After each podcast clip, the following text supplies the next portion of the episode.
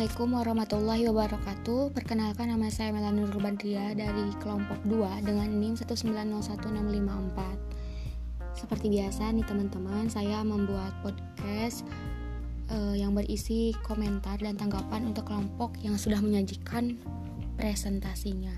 Kali ini saya tujukan untuk kelompok 18 di mana uh, kelompok 18 ini beranggotakan yaitu Muhammad Rizki dan Muhammad Jati ke sebelum ke komentar uh, saya ingin bertanya dulu nih gimana kabarnya teman-teman yang masih di rumah saat ini sudah cukup lama ya kita di rumah mungkin hampir dua bulanan gitu ya kita udah nggak ketemu selama ini dan semoga uh, kalian semua sehat dan kita semua uh, berada di lindungan Allah Subhanahu wa taala. Amin ya.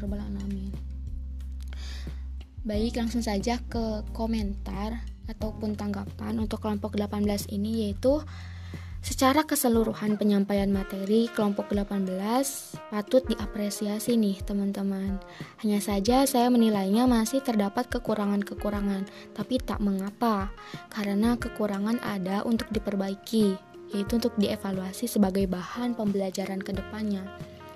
Nah, untuk sadari Rizky nih, menurut saya kekurangannya itu terletak dari uh, suaranya atau penyampaiannya yang masih terdengar kaku, kurang luas nih, juga masih kurang semangat. Apa karena lagi puasa ya? Nah, kebalikan dengan Rizky, saudari Jati justru yang sangat semangat sekali dalam penyampaiannya. Tapi pada intinya uh, keduanya sudah melakukan yang terbaik dan saya tetap apresiasi itu. Adapun mengenai materi yang disampaikan oleh kelompok 18 ini yang saya ingin uh, tanggapi yaitu uh, ketika seorang guru ingin menguasai panggung atau dengan kata lain ingin menguasai atau mengatur kelas agar para siswanya dapat memperhatikannya, tentunya seorang guru uh, harus memahami terlebih dahulu karakter siswanya itu seperti apa karena kan kita tahu karakter, siswa dan kepribadian siswa itu berbeda-beda.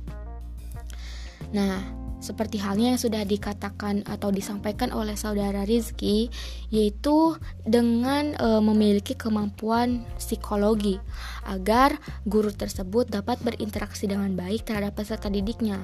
Memang benar dengan kemampuan e, psikologi inilah seorang guru atau calon guru dapat mengenal baik bagaimana karakter dan kepribadian para peserta didiknya dengan e, memahami karakter para siswanya dengan baik, otomatis guru tersebut dapat uh, uh, mengaplikasikan metode metode pembelajaran yang benar kepada siswa-siswanya di dalam kelas tersebut. Mungkin hanya cukup uh, se, uh, segitu, mungkin cukup segitu apa yang saya dapat saya sampaikan. Namun sebelum itu saya ingin mengajukan sebuah pertanyaan kepada kelompok 18 ini yaitu bagaimana cara yang harus dilakukan calon guru ini untuk mengembangkan pribadi, mengembangkan pengetahuan, mengembangkan keterampilan, mengembangkan bakat serta potensinya sebagai bekal untuk dapat mengatur panggung atau mengatur kelas ketika mengajar. Cukup sekian dari saya, kurang lebihnya mohon maaf. Wabillahi taufik walhidayah. Wassalamualaikum warahmatullahi wabarakatuh.